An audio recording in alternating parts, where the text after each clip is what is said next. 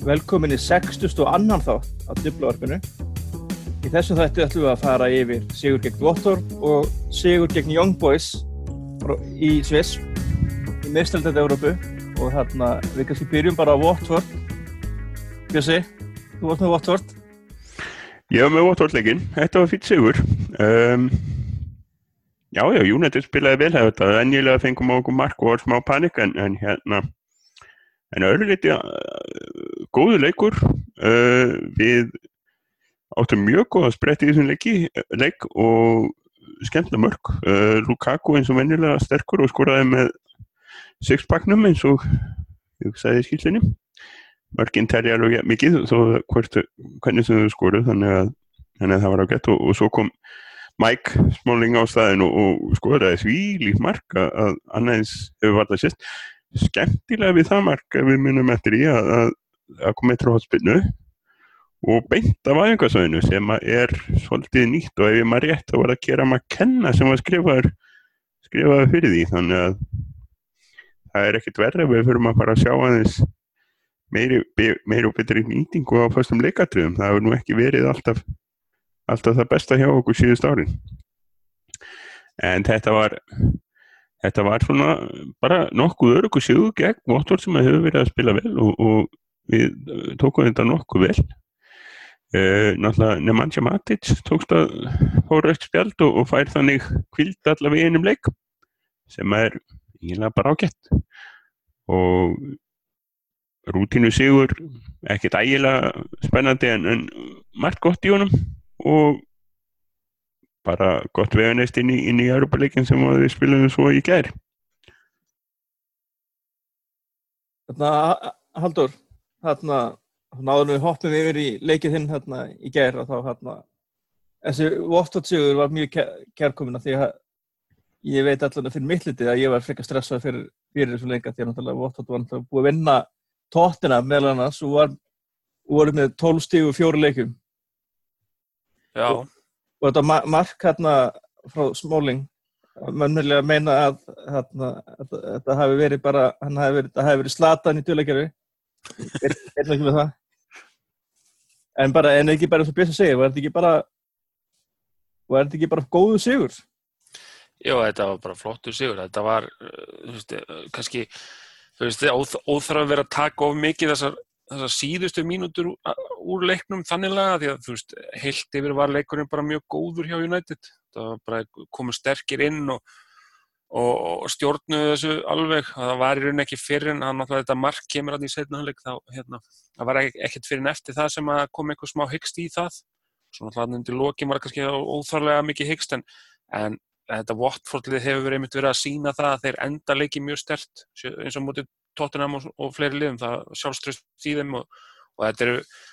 eru, eru hörku fínt lið sko. Áhugaverði leikmennarna og eins og, eins og við vorum búin að tala um fyrir leik að það þurfti að sína ákveðin karakter í að klára þetta þennan leik og það síndi sjálfur að þótt að þótt United stjórnaði leiknum að megnunum til mjög vel að þá, þá þurfti samt karakter til að klára þetta og það gerði þau bara mjög vel og ég er mjög ánægð með þann karakter og hérna og ég er mjög ánægð með spilamennskuna þetta var bara mjög skemmtilega spilamennska mörguleiti fannst mér og framann af sérstaklega. Það var áframhald af þessum, þessum pælingum með sko Fellaini var aðna til þess að hjálpa varnamennunum og, og svolítið leifa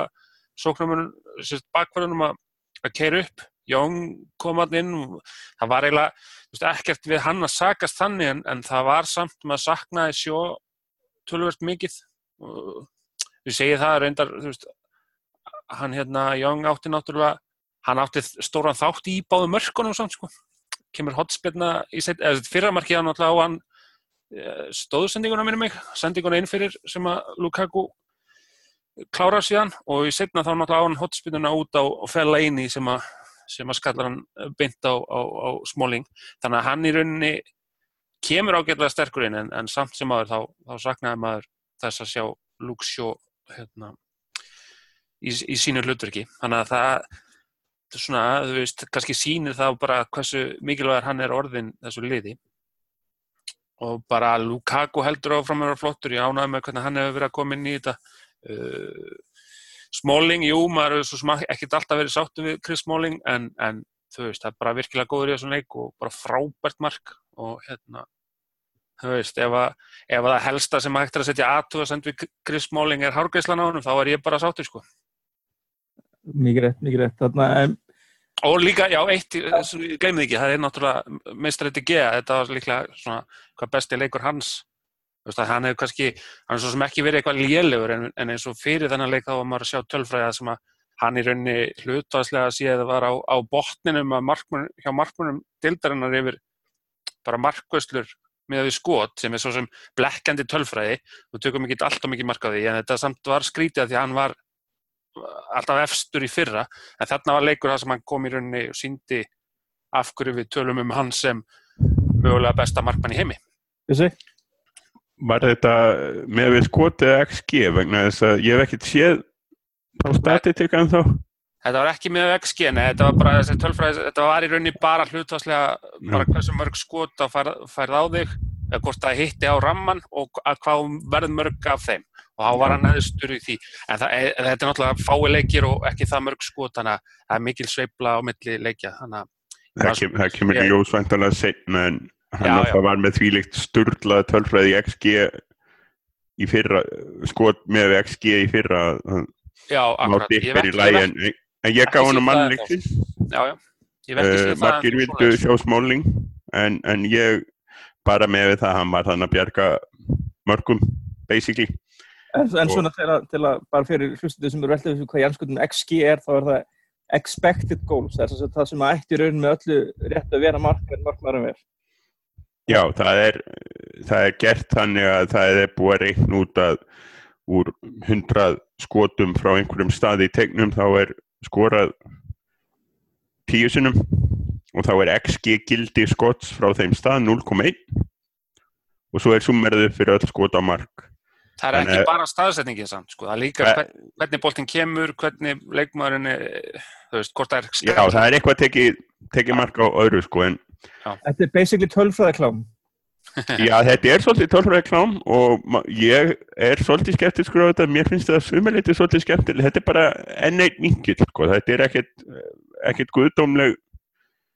guðdómlegar upplýsingar en, en þetta er svolítið skemmtilegu vinkill og, og ég hef séð svolítið, til dæmis var ég að horfa á vídeo í gær eða síðu í gær þar sem voru tekið saman einn ein, ein 17 mörg þar sem að XG var 0,99999 mennum tókst að sagt, þá, þegar að menn skjóta yfir úr sagt, af 5 mm færi eða svo þá er sem sagt vantilega XG jafnt og 1 likvið en allavega þá, þá, þetta segir svolítið um það hvað, hvað hérna þegar að sérstaklega þegar við erum að tala um markvæsluna hjá Dikaja hann er að taka skot miklu, hann er að verja mjög mikið af því sem að oft fer inn hjá þér þannig að hvað það var það þá tekið markaði en allavega, hann var maður leiksins að mínu mati og sérstaklega fyrir tvær vörslur hann sem að eh, voru bara á hans mæli hverða óskup með þeim betri og, og það er það sem við viljum sjá. Hann er komin tilbaka eftir þetta var smá erfitt sumar hjá honum og svona þannig að bara gaman að sjá hann aftur en ef að ef að, eh, ef að þetta heldur svona fram þá, þá verður þetta gaman en næsti leikur Aldur, þú varst hérna á vaktinni í gerkvöldi. Herru, já. Þetta var svolítið sérstætt, sko, þú veist, Mér- er ha, engin, mér er engin Asli Jóng í ger. nei, og ekki Valencia, ég trist honum ekki á, á gerfugræsinu hana. En það var eitt, hérna, eitt sem við hefum ekki gest bara hvað, hvað hefur gest á langa tíma. Við vorum með tvo bakverð í byrjunlið. Já, í, sem voru að spila sem bakverðir. Já. Það er. Rafael og Fabio Já, ætli það ekki. Ég, ég, veit, ég veit ekki, það þurfti að leggja, leggjast yfir það, sko. Þetta var flottu leikur hjá Daló, Dalót, Daló, segjum að er tíð búið fram. Ég, Við, við köllum bara Dalot þá til að við vitum betur. Þetta er bara- þetta er bara svo frett, við köllum, að- köllum að frett þá til að, að Bjössi lefðir ekki framfyrir sem, sem að hvað Bjössi? Hvernig segir maður frett? Fredge. Fred Fred Þetta var frábær innkoma hjá Dalot og bara eiginlega stórfurðulegt þegar maður fattaði það að hérna, þetta var fyrsti fyrsti leikur hans í aðalið sem hægri bakverðir sem er nú hans staða samt sem áður. Þetta var aðeins nýjundi leikurinn sem hann spilar fyrir aðalið. Þannig að þetta er ekki reynslu mikill leikmaður en það var ekkert að sjá á hann. Hann bara kerði þetta í gang strax og mjög flinkur fram á við, var að taka skæri og sólamenn og bara reyna mjög mikið, var með hérna mjög goða tölfræði sérstaklega í fyriráleik bara sem, sem það sem hann var að reyna var einlega að hefnast nema kannski svona eins og fyrirgjafinnar voru sko nálagt í en ekki kannski alveg að hefnast en, en eins og þegar hann var að taka með ná og, og, líka varnarlega þá þetta var mest af því sem hann var að reyna að gera var hefnaðist sko. þannig að hérna, það var bara frábært og líka sjá Lúksjó hinum eina því að veist, bara frábært að fá hann aftur og hann átti alveg mjög flottan leik sko og hérna og bara svona sérstemmit þegar hann var komin aftur í liði hvað hann er orðin hvað hann er stór hluti af ekki bara það því að halda varnalínu heldur bara stór hluti af sóknarleiknum að halda breyttinni og, og í rauninni hann er alltaf komin að Veist, maður sér að Pogba er alltaf farin að leita meira og meira að honum þegar Pogba er hann að hinum meginn og tekur lungu sendingarna sína yfir völlin og, og finnur hann oftar en ekki og þá, veist, þetta, er, þetta er mjög hann er mjög beitt vopn að hafa í, í sóknarleiknum og það er bara frábært og, og, hérna, þessi tveir er alveg svona kannski skýnum mjög skert en, en svo náttúrulega var fyrirliðin okkar hérna, í þessum leik Pól Pogba sem að svona eiginlega tók hann að leiki yfir bara og Já, og kláraði bara, já þetta var eiginlega, þetta var fyndið sko því að maður hefði búin að sjá náttúrulega, veist, maður vissi að þetta væri gerfigræsleikur og ég hafði svona, maður fannst eiginlega eins og fyrst í hálftíminn þegar ég kom inn í leikin, United leikmennir þá eiginlega fannst mann þetta vera bara eins og maður hefur séð leiki í, í Mosku í nóvumber einhver tíman í frosti og það voru bara allir að pæli í einhvern veginn ekki slasa sig á einhverju veist, og ég held að það hefði nú syndi sín að sjá einhverja tilvittun í Morinni og eftir leika, það hafi nákvæmlega verið þannig að þeir hafi passað sér komið varkárir út af vellinum. Og maður sá það líka eins og bara eiginlega allan leikin þóttir hafi nú reyndar uh, þeir, þeir komið meira fram sko, þeir voru ekki varkárir allan leikin þeir bara byrjuði varkárir og svona, svona komu, komust þeir meirinn í leikin og, og fóru að gera meira. En, en það var alltaf það var alltaf reglulega sem einhver United maður var bara rennandi þeir voru rosa mikið að renna á vellinum. Bara eins og þeir væru eða svona eru óvanir því að spila á svona velli. Þannig að United menninni voru það kom stundu fyrir eins og Matið lendi,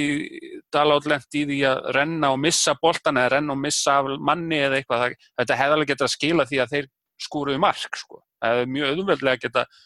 geta orsaka það. Og eins með hérna, eins og Martial sem átti frábæran setnáleika þá, þá var hann komin hann, hann tók snúning hann í byrjun setnáleiks frábæran snúning snýra af sér leikmann og brunaði inn í teik og svo bara skoppaði boltin eitthvað fárlega fyrir hann þegar hann ætlaði að taka skoti bara, veist, eitthvað svona óeðlilegt skoppvæntilega með hvað hann er vanur þá náða hann ekki alveg skoti. Þannig að þetta, svona, þetta hafði áhrif, öllurinn hafði áhrif. En, en eftir hann að fyrsta hálftíma þá fannst mann einhvern veginn ekki vera neitt líklegt að að eitthvað annað en United sig væri í, í spilunum þar sko. Þannig að hérna, en Pogba náttúrulega stegu upp og, og bara tvö mjög flott mörg og, og Þetta, þetta fyrsta, mar fyrsta mark Fyrsta marki bara frábært. Bara hvernig einhvern veginn fintaði sig gegnum varnamannin og, og hérna sett hann svo upp í, í, í vingilin bara. Þetta frábært mark sko. og ekta svona mark sem maður tengir eiginlega við Pogba. Þetta, ekki, hann er ekkert eini leikmann sem getur gert þetta en þetta er það sem maður einhvern veginn hugsaði sér að hann myndi skora svona mörg, svona utanteiks svona bombur og svona Þetta var eitthvað ekki bomba, hann er eitthvað smegðunum bara í samskipti alveg... Já, ég segja, þú veist, bombur eða eitthvað svona ja, ja. Veist, allan einhver, einhver flott mörg fyrir utanteik, það var svona það sem maður tengdi þetta aldrei við hann. Þetta var bara, hann bara, þetta virkað svo einfalt. Bara, þetta, þetta líka kom ef, ef, ef maður horfir á þetta aftur, öll þessi sókn upp að þessu marki var mjög flott, sko, þannig að þá var United komið með aldrei tök á þessu á svona leik og var að spila svolítið svona skemmtilega bolta og hérna láta boltan svolítið ganga snögt hérna í gegnum út á kant og inn á miðju og svona svolítið að spila sér í gegnum, gegnum uh, Young Boys varnarleikin sko, þannig að það, það var bara það var mjög skemmtilegt að sjá það sko. En hérna, það sem ég fíla út í verið leik, þú veist, og hoppa kannski aðeins yfir, hérna, kannski, en náttúrulega svo náttúrulega fáið viti,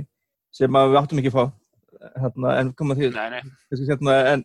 það sem ég fílaði við þennan spilamenn þessum leik er að, já, í stöðunu 3-0, þá var United ennþá að sækja. Það var ekki nema svona síðustu tíu mínútur, það sem að liðið fór bara skipta niður í gýr bara upp á þá, upp á að keira sig ekki út á óþarfi og, svo fram með þess, en þetta, þetta hefði geta verið miklu, miklu stærri sigur.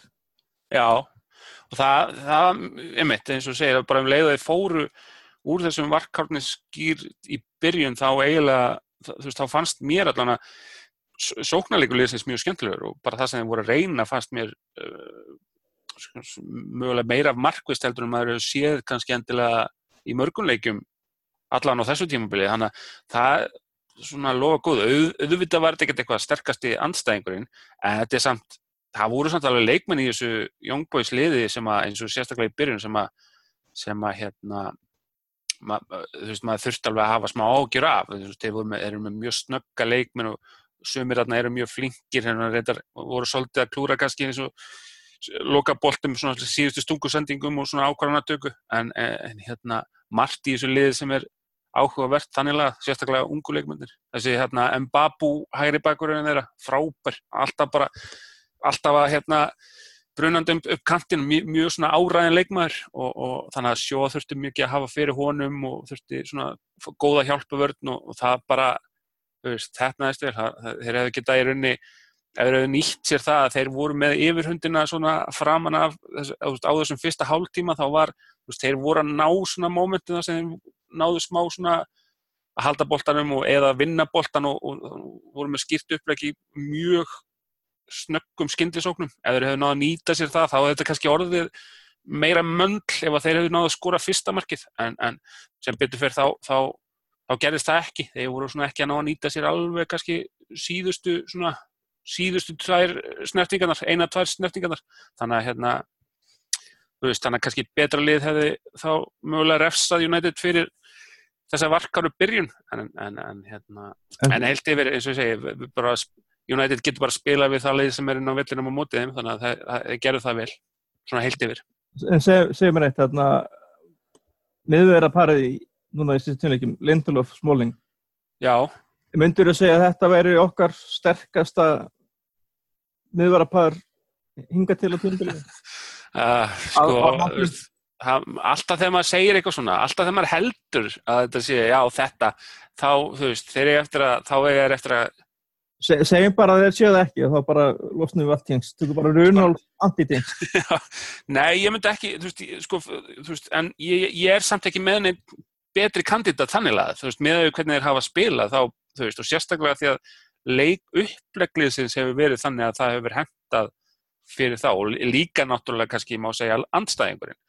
að hérna, það hefur verið að henda vel fyrir þá. Þannig að ég, svona, ég myndi ekki segja að þetta veri mitt einhvern veginn preferred eða mitt svona óska miðvarða par en þeir hafa verið að standa sig vel og þeir hafa fengið þennan þetta uppleg og þennan stuðning. Að þetta náttúrulega að fæla eini kom ekki inn á fyrir bara eftir 65 minnur eða 70 minnur í, í, í gær. Þannig að Matits þurfti svona vera í þeirri því hlutverki og þeir eru kannski þá þurfti ekkert um, voru ekki alveg í sama hálóftaboltanum þótt hann hafi nú reyndar, hann var reyndar sterkur í, í loftinu en að framherrin þeirra Hóró, Hóró Hóró þessi nummer 99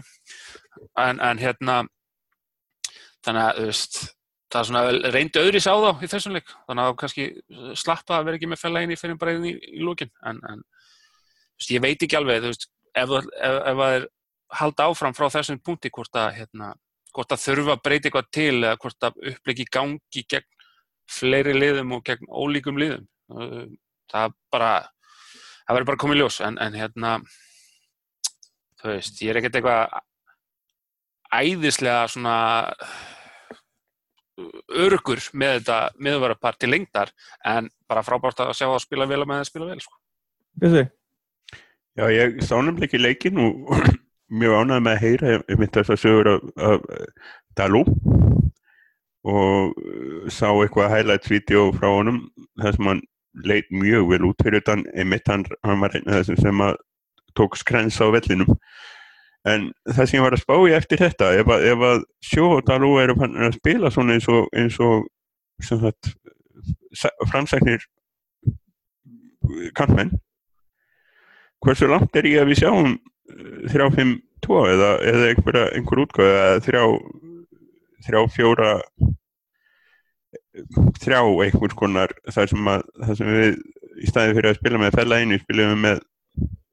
spilum við bara með þriðja, þriðja varnamann hvað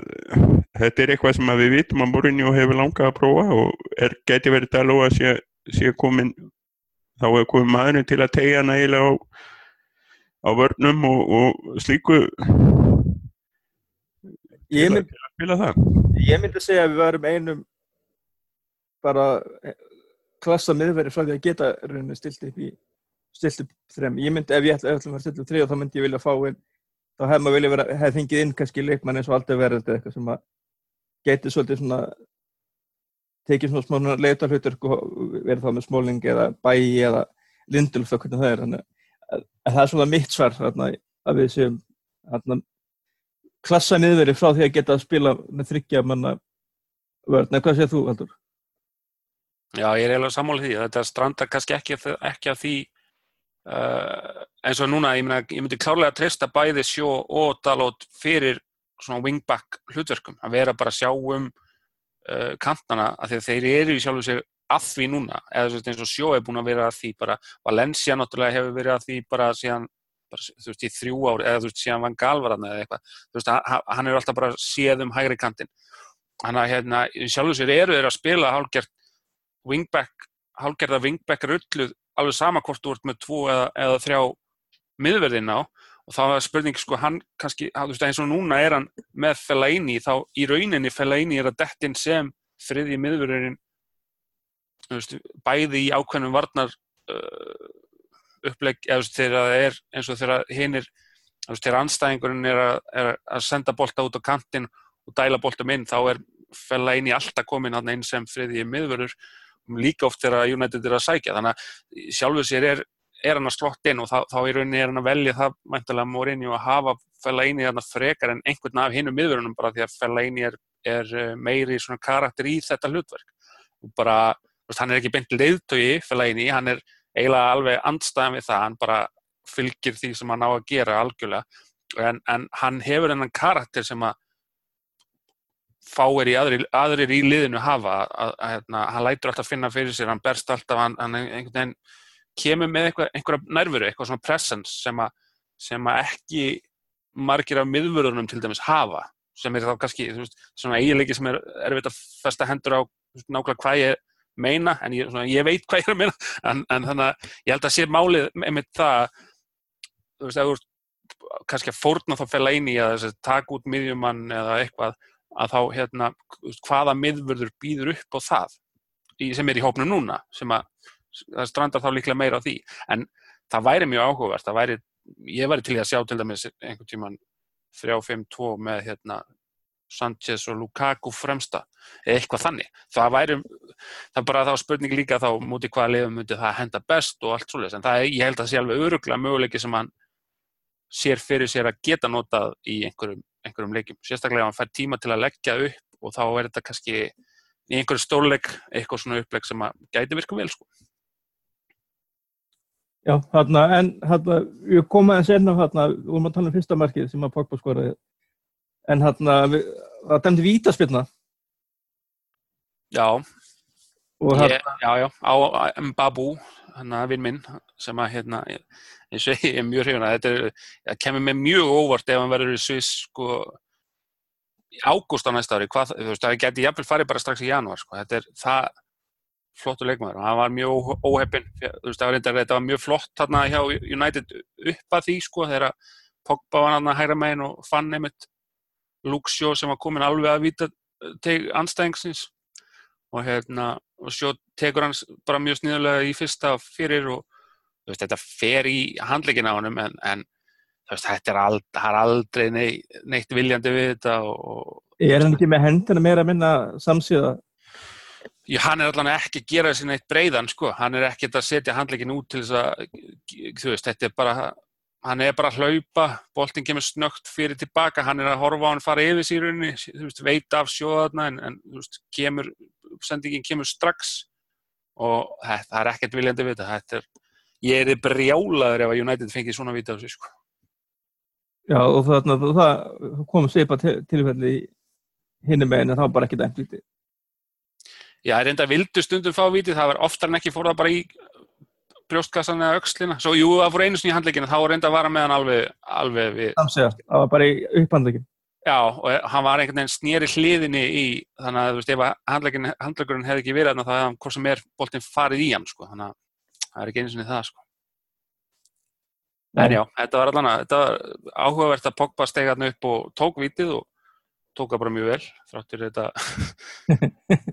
þetta, hérna, hænu skrifa tilhefs sitt, sko. Ég, ég er með mjög flókið samband við þessi upp, hérna, aðflöðpjóðanum í ídrum. Það, það er alltaf lúmsku hlutar um sem vonar að hann brenni. Ég reyndar, reyndar kom smá ljósapera hjá mér sko, bara býtuð, ok, ef þetta fer svona í töðarnar á okkur United stundismennum, hversu rjálaðir eru þá stundismenn annar að liða? Hversu pyrraðir eru þeirra á þessu? Þegar, hérna, ef þú ert í einu, stundist, ef, ef að til dæmis United fengi móti Liverpool eitthvað og Pogba kæmi með þetta Cortes tilöpsitt, sko,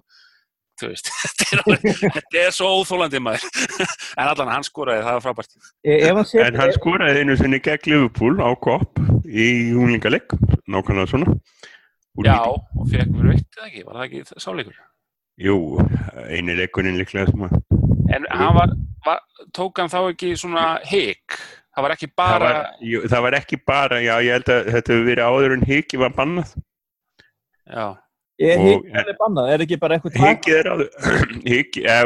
eftir hiki er einu þú alveg bannað. þú þarft eiginlega að eiga eitt, tvö skref eftir að boltanum að, ef þú tekur higg þú veist, þú mátt ekki taka higg þú búin með tilhaupið þú, þú veist, þú mátt hyggsta í tilhaupi þetta er eitthvað, þetta er mjög flókið, þetta er óþálega flókið. Það er bara, menna ég að hætta þessu bara. Hætta, já, ég held, ég held þetta sé sem þetta ef þú hikar, ef þú stoppa með sko átt bara eftir að hreyfa skotfútin þá,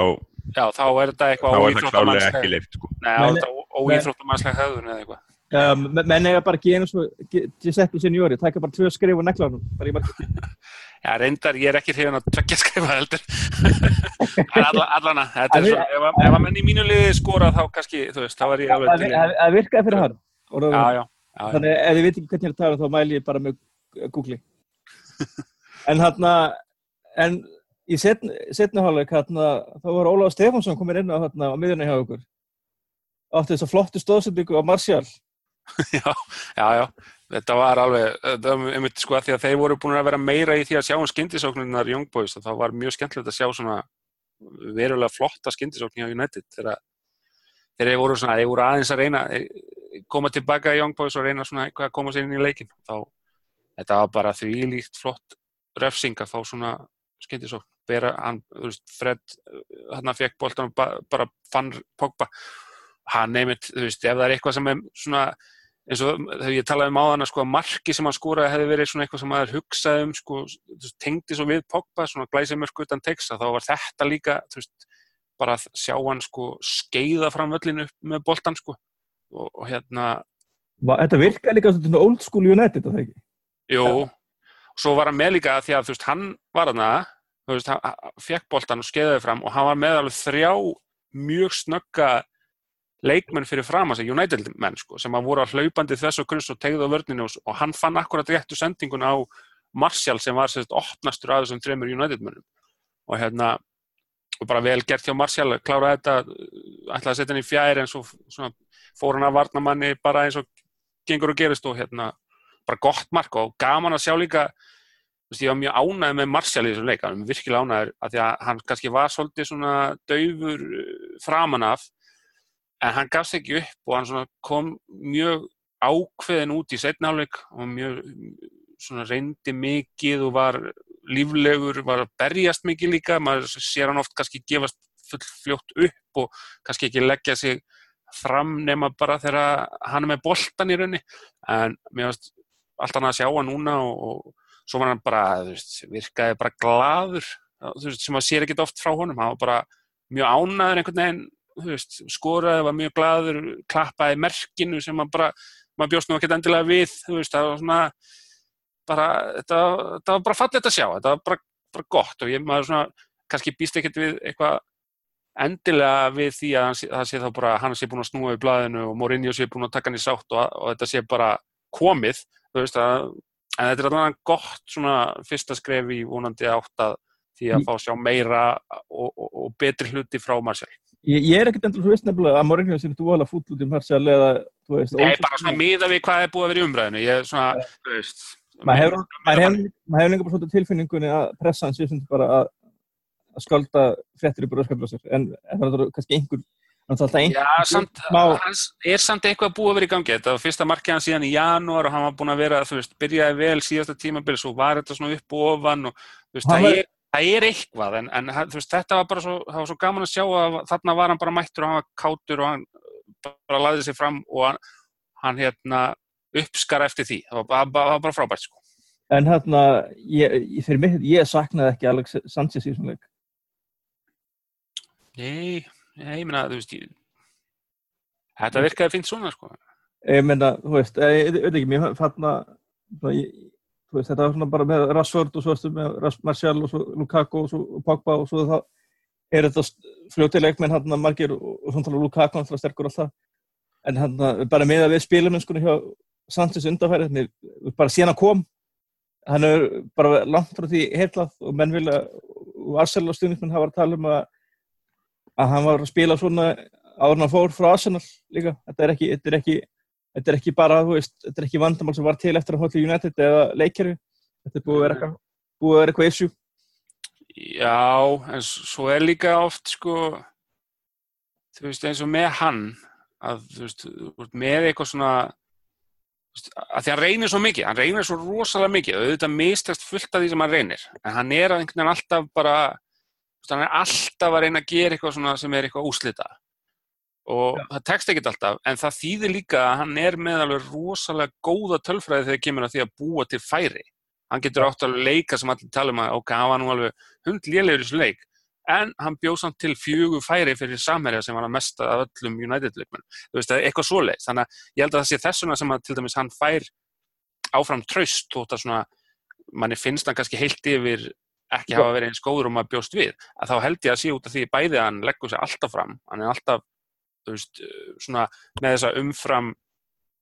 ekki umfram, hann, hann leggur sér alltaf fram bæði í varnalegnum og sóknarlegnum og þú veist, jafnveg þá að mistækjast helling hjá hann, það kemur samt alltaf líka eitthvað út úr honum, sko, eitthvað svona hann býr til eitthvað og það er eitthvað svona sem að þú veist. En er það ekki kannski líka bara svona að það ekki hérna, hérna hrauna yfir leikmannin en en, þarna, en getur þetta ekki líka bara verið svolítið að, þarna, að leikmar í þessum stöðu sem er að reyna þessar hluti sem hann á að reyna þetta er auðvitað, þetta er ekki bara eitthvað hann býtt í sig sjálfum sér, þetta sé ekki bara fylgi ekki bara því það, þú ert í þessari stöðu þarna að sting, alltaf stingurum inn og setja fyrir að, að komi bara oft fyrir að að þú gefur bólta frá þér að því þú ert alltaf að reyna eins og segir þess að útslita að sé bara hluti bara af stilnum hjá hann það sé ekki endilega hann sé svo lélegu með boltan en, en það sem er sko líka í þessu ég er akkurat svolítið á þessari línu að mér náttúrulega náttúrulega hefur verið held ég ofmeti hvað við erum á borgunum en það er líklega orðið ljóst að það er hann sko til helvítið mikið. Og spurning hvað áhrif það hefur á hann og ég viðkenn alveg fúslega ég er í þeim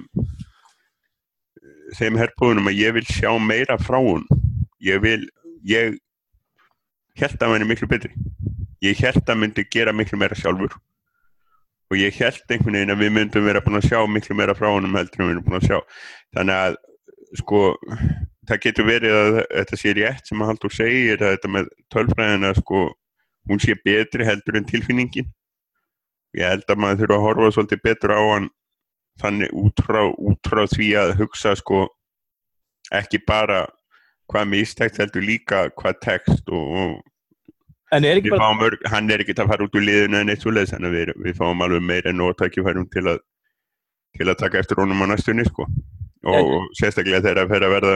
meira, meira leikjála og svona. En er þetta ekki bara, er þetta gott að það er tölfræðin getur þetta blekkjandi? Að það er horfur á leikin og finnst eitthvað að spila illa en nei, sáðan þetta eitthvað tölfræð þá var hann að spila útla vel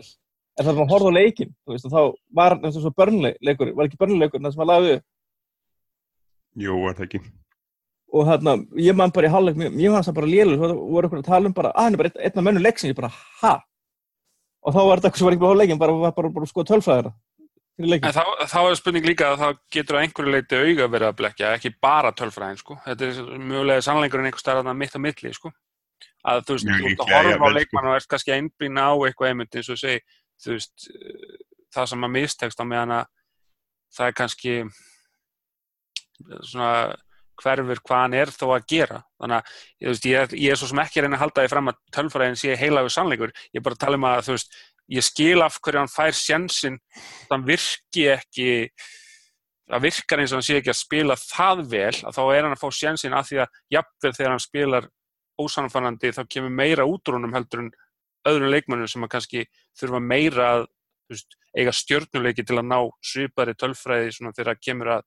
end, svona end product í rauninni. en mér finnst það bara svo, svona, basic bara stuttisendingar hafa hann bara klikka bara, Já, ég er enda, ég enda sammála því að stundum finnst mann einmitt, stundum er hann að reyna mjög erfiða hluti og þá kannski eðlilegt að það er mistakist en svo stundum er þetta bara, finnst mann í rauninni eins og þetta sé mögulega bara kæruleysi eða eitthvað. Það er, þú veist, slæmt auðvitað, þannig að ég veit ekki alveg hver, hver, hver er lausnin á því, sko. Er Bara, veist, mér, þetta, er ekki, þetta er ekki einfalt mál að, hérna, en ég veit ekki hvort það sé endilega eitthvað lausnin að Beckham bara og spila Martial eða Rashford endalaust í þessum, þessari stöðu jafnvel þótt að komi minna út úr þeim eða eða hvernig sem það er. en, en það hlýtur samt þarna þú veist eins og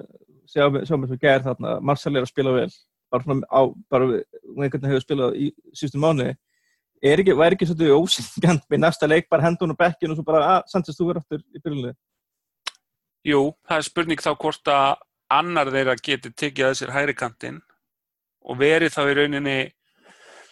um, svona eins og innherji, þú veist svona, þú veist eins og það, það, er það sem að mér hefur fundist til dæmis Sanchez virka best eins og þegar hann er á vinstri kantinum, ekki þegar hann þarf að vera alveg út á, út á kanti og leifa bara sjó, sjá um það og vera þá frekar á milli sjó og hérna Lukaku þarna inn, innherjastöðunni gömlu og hérna þú veist, og mögulega þá geta hann virkað svipað vel hægra megin, þú veist, bara prófa þetta Martial og Sanchez fyrir hliðin á Lukaku og allir einhvern veginn svona með þá kosti að geta hlaupið inn að, að miðunni eða, eða í rauninni dotti út á kantinu og jafnvel farið út í breytina ef þarf en þannig að þú veist, jú, endilega prófa ef að þótt að því að minn maður Lingard, þú veist, þurfa að sitja aðeins hjá að, hérna, það væri áhugavert. En ég er alveg sammála að Martial í rauninni spilaði það vel í setnáleika það væri hálf ós ósangjart að bekki hann strax aftur. Það verður nú að leikja framöndan samt sko, þannig að við erum með tvo leiki á viku núna næstu vikuna, þannig að Já, svo er líka hægt að nota það sem afsökuna náttúrulega þetta var leiðilegt gerfigræðs þarna og verra og harðar en menn, menn í rauninni byggust við fyrirfram. Þannig að það er skiljanlegt að menn kvíli eftir það og, og veist, þá er kannski ekki óðurlegt að Martial sittið af sér, kom svo sterkur inn í dildabyggarnum og ef hann heldur áfram að blómstra í þeim leik, þá bara endilega að fara að byrja honum hann, hann, náttúrulega- spilaði 90 mínútur hann að Já, já, ég var mjög ánægð með það, það hann, hann fekk að klára leikinn bara, þú veist, hann, hef, hann var hann að skipta út og hefði mjög auðvitað að geta tekið Marcial út af, en, en bara, ég held að hann hefði fengið að klára hann að leika mitt, veist, eins og Rashford, það var engin sérstök ástæði til að kvíla hanna því að hann spilar ekki um helgina. Þannig að hérna, Eh, bara Marcel, ég, ég, ég held að hann hafi auðvitað bara Mourinho hafi bara hugsað bara að Marcel hafi bara verið að spila betur já, bara leifunum að njóta þess að, meðan hann var, var að finna sig og spila vel, ég, ég held að það bara að vera hár rétt ákvörðun með það, sko. en, nú, höfum oft gaggrind Mourinho fyrir skiptingarnar en það voru eins og hérna motið Watford þá skilur það ekkit sérstaklega miklu en það voru bara nokkuð fínar skiptingarnar hjá honum í, í gerð og gafin svo Pereira kom inn aftur Já, mjög gaman. Mér líka bara ég ánægði með veist, ummæli Mourinho eftirleik, þú veist, hann tala bara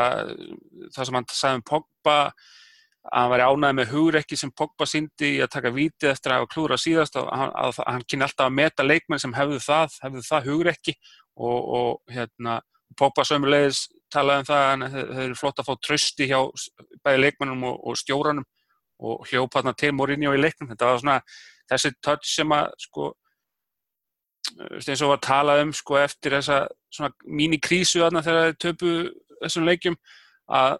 þú veist, þá finnst manni í síðustu leikjum að leikmennir hafi í rauninni sínta, meiri sér leikmenn sem maður átti ekki endilega að vona á eins og, og Martial og, og Pogba, að þeir eru að spila fyrir Mourinho. og, og hérna, og ég maður ánað með umalum emitt líka um, eins og þegar maður spurður um Dalot og þá talaði hann strax um sjó líka, það er náttúrulega rósaði Dalot og rósaði sjó sérstaklega líka og bara, þú veist, já, hann að ég, þetta, þetta var bara, ég var mjög ánað með Mourinho eftir leikin þannig að Hérna, einmitt þessar ákvarðanir með skiptingarna líka það er virkuð vel. Hérna Bjössi, hérna, við tölum um það, hérna, já, var það ekki bara hreinlega bara fyrir tíðanbíl, í í einum þætti, að, við- að þú, að þú sérstaklega, um að þú hefði tilfinninguna að Dalot myndi koma inn fyr- fyrir fyrir- fyrir frekar síðar og myndi, hérna, kannski fá fullt af leikjum. Ég menna, það er,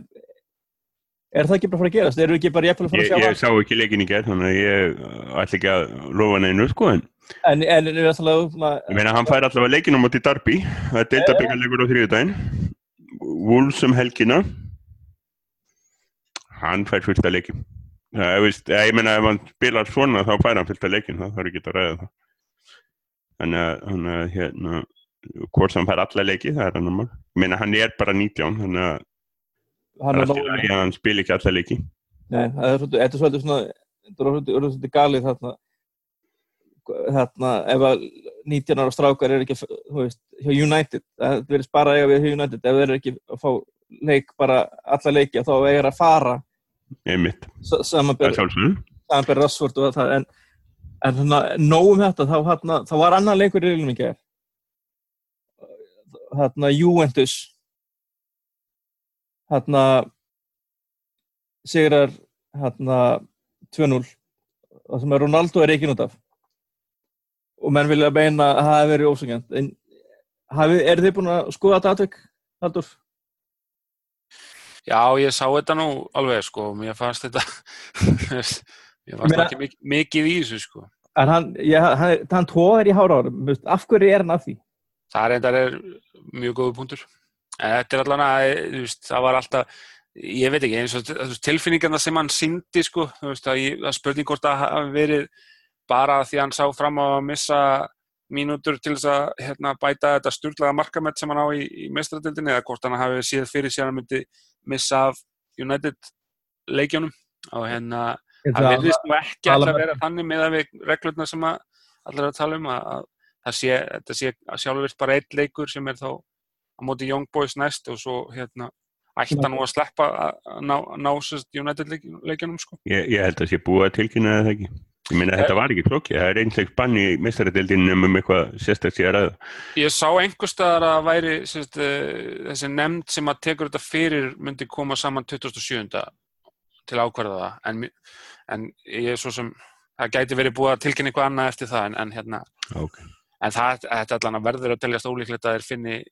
ástæði til þess að lengja þetta bann sko. þannig að ég, En, maður, en, svona, en svo við tölum um hérna kannski eins og úrvastöldinu, þá fannst maður fannst meira í þessu heldur en hérna Rassford-atvíkunu, hérna móti hérna Barsley. nei, mér varst nú reynda meira í Rashford-atriðinu, ég verður það að segja það. Hann fóð með hausinn ennið í, í hann sko, svona á, öðruvísi ásetningur. Það var aggressífari ásetningur hjá Rashford heldur en Ronaldo. Það, þannig að það verður einhvern veginn útskýrð fyrir mig að hvað þetta er að verða að fara með ennið að einhverjum, ég meina, Ían, Ían, sko, það var snerting, þannig að við þurfum ekki að ræða þetta. Það þarf ekki að ræða þetta rannsóknmál. Það Nei, er bara, þetta er aukt, sko, það- þetta, er bara það lín. það er enginn að tala um það, það sé ekki raukt en ég, ég meira að segja þú veist, hvað, þú veist af hverju þetta er hjá fótballstökunum að þarna að- að fara eitthvað, svona eitthvað tarfa dæmi þarna, setja enninn saman eitthvað þarna, ég áttum ekki Já, alveg ég veit ekki, en, þetta sé svolítið vel á því, sko, viðkvæmnin er svo mismunandi fyrir hlutum að hérna, maður sé það sérstaklega hjá, sko, þeim sem er aðeins gömnum fótboltamannum og ennskum sérstaklega, sko, nú uh, hrækti hérna, uh, hann Kosta, hann að Douglas Costa. Douglas Costa hrækti á, á anstæðing sinn. Það var bara tvittið og bara setja mann í hálsórs bann maður bara býtið fyrir ekki. Ok, hálsórs bann fyrir að rækja hvað er þá fyrir að sko þetta, þetta, þetta, náratæklingar sem meiða menn víst, er það, víst, nei þetta það var er allt í lagi sko, það er bara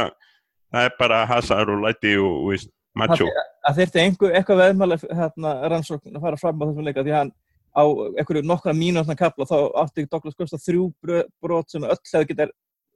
verðskutt á reitt spjald. Það er svona að verið að reyna það að segja hann hafi þurft að tryggja það? það leit svolítið hann út Þetta var svolítið- þetta var og kissubyrðið og ná Og nú allt saman. Já. Já, já. Nei, en þetta er eins og ég sá reyndar þetta geta Ronaldo atvek en ef það er, þú veist, ef hann tógar í hár þá er það bara rautt, það bara má ekki lengur. Þú, þú ferð ekki í anstæðingin sko físikalt utan boltans ekki lengur. Þannig að það er bara rautt, það, ég held. Að því gefna ég sá ekki atveki, ég er bara að byggja á því að hann hafi tógað eitthvað í hár. Það var nú ekki- ekki að rífi hárið á hann eða eitthvað þannig, þetta var var, þetta var ekkert stórkostlegt sko, Nei. En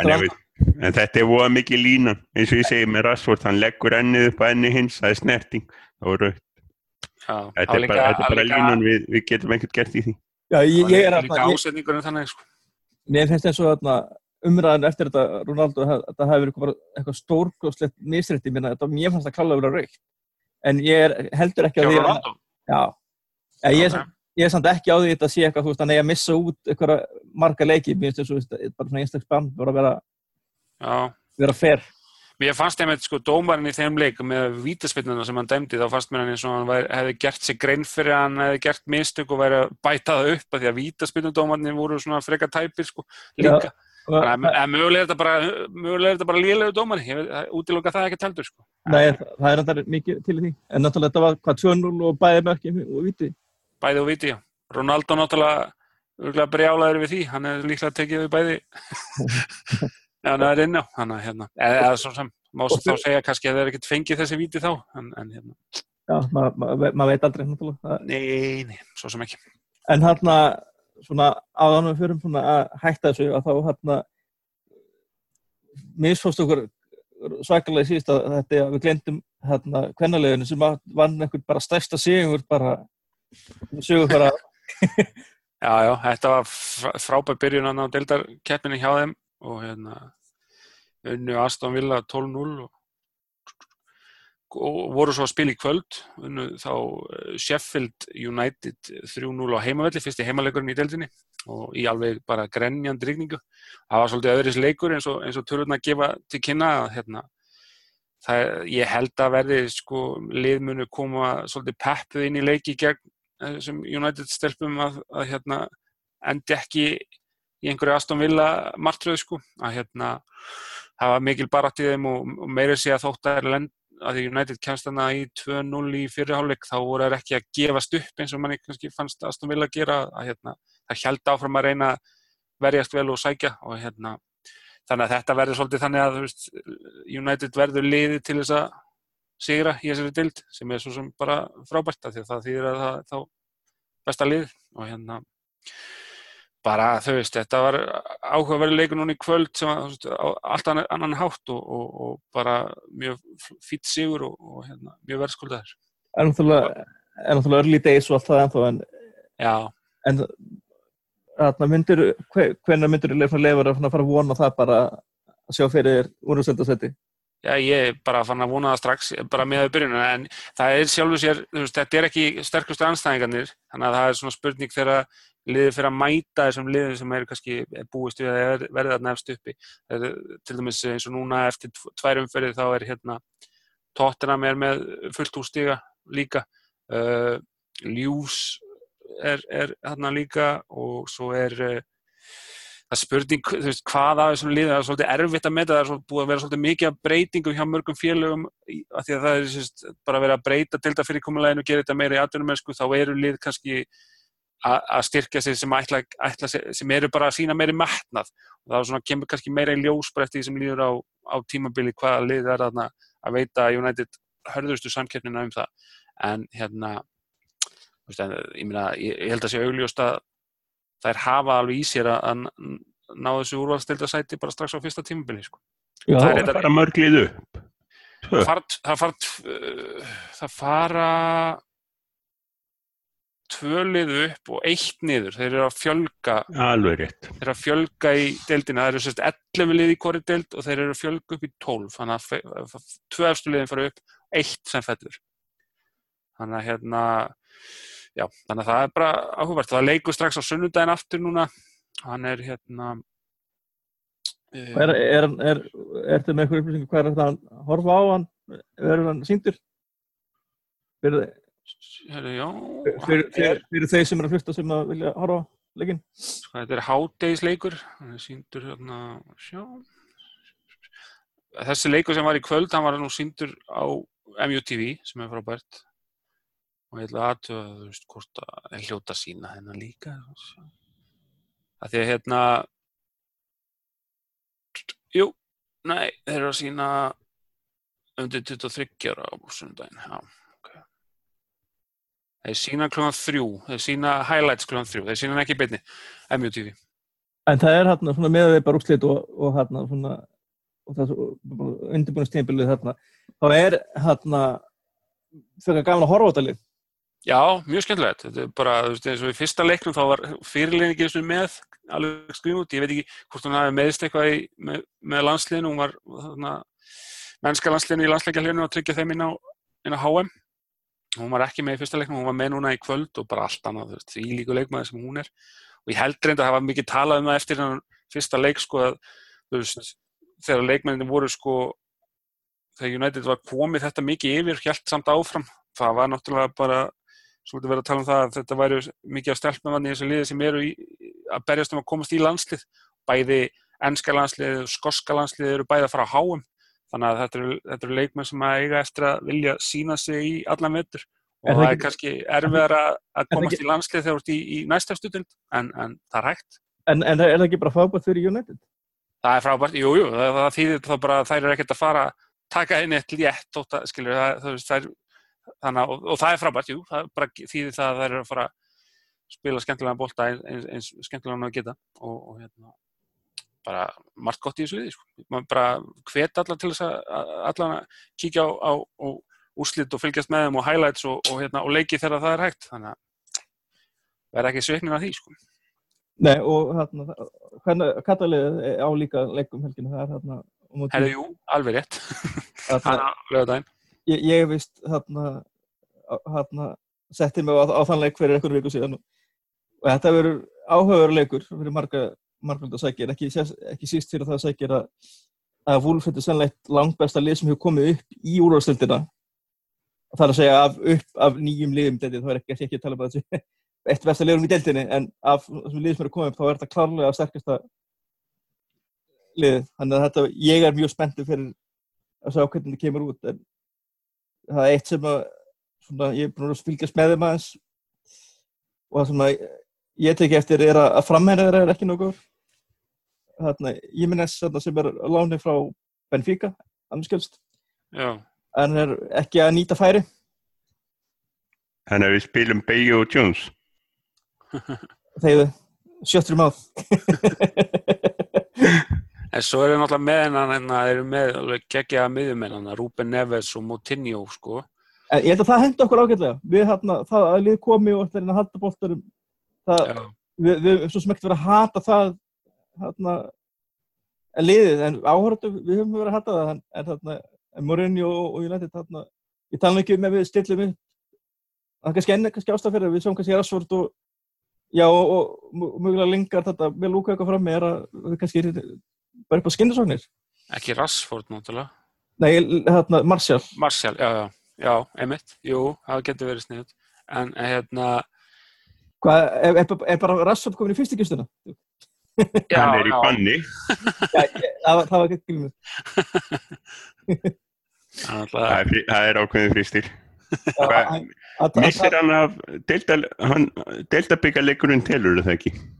hann er í banninu gegn Darby líka Hann er í gegn Darby og verður komin áfram múti, aftur múti í vestan. Við erum í, í tvöfaldu vöffunum í deildinni hérna í, í röð. Tökum þeim fyrir bara næstu í Stafrósa næstu í stafrúsu. Þessi vúlsleikur verður spennandi en, en hann verður ekki benni á Íslandi. Nei, þannig að menn verða að horfa með öðrum öðlegin, ég ætla ekki að Við, við kunnum þær ekki. nei, það, það er vist það er vist hægt ég hérna en ég kann, kann ekki og að læra það en hérna svona svo spyr ég ykkur bara hvernig haldið þetta að fara um helgina haldið þetta að veri ég meina, Þetta lítur að vinna, komum. er það ekki? Ja, ég, ég vona það. Þetta, við erum búin að vera á góðri siglingu og það eru alls konar góður hlutur að gerast og, og Móratin verið stóra góður í- Mórallin er rosalega fín. Við, erum, við getum rótera að vera með Sanchez og Lingard á kantinum, bara á, á kantinum fyrir kantana og, og hérna fæla eini spilaði ekki mikið í gær. Uh, Matic er í banni. Já, það er eitt sem ég langar að spyrja hérna, hvern, hvernig haldið, haldið að fela, verða fela íni sem að haldið setti Er það ekki fæla eini Poppa og, og Freds? Er það ekki, líkur það ekki næst í beint við? Ég veit ekki með, sko, Fred var ekki, hann var ekki góður í gær, sko. Hann átti ekki tjóstakann leik í gær. Þannig að spurning hvort það væri betra að hafa Pereira eins og á móti þessu vúlsliði, hvort hann myndi fitta betur inn á móti þeim. Ég veit það ekki. Hann alltaf Herrera til dæmis ennþá mittur held ég. Uh, Já, Pereira talar málið, þannig að hann skilur, hann skilur, að, hann skilur halvt vúlsliðið, er, ekki, er þetta ekki bara meira eða minna Portugalir? Jú, já, er það ekki? Þeir eru búin að standa sér vel sko, því Wolves byrja þetta svolítið strempin byrjun jafnteflu við Everton, töpu við Leicester svo eru þeir eina liði sem að náðu stigum á City, hérna að gera eitt eitt jafntefli svo eru þeir búin að vinna síðustu þrjá leiki og ekki búin að fá þessi mark þannig þannig að þetta er ekkert eitthvað Já, það var Vestham og, og hérna sem að hefur ekki snollið í já, já, já, já, en þú veist samt þeir koma þá væntalega með sjálfströstinni í leik sko. Þetta er ekkert gali lið sko. en hérna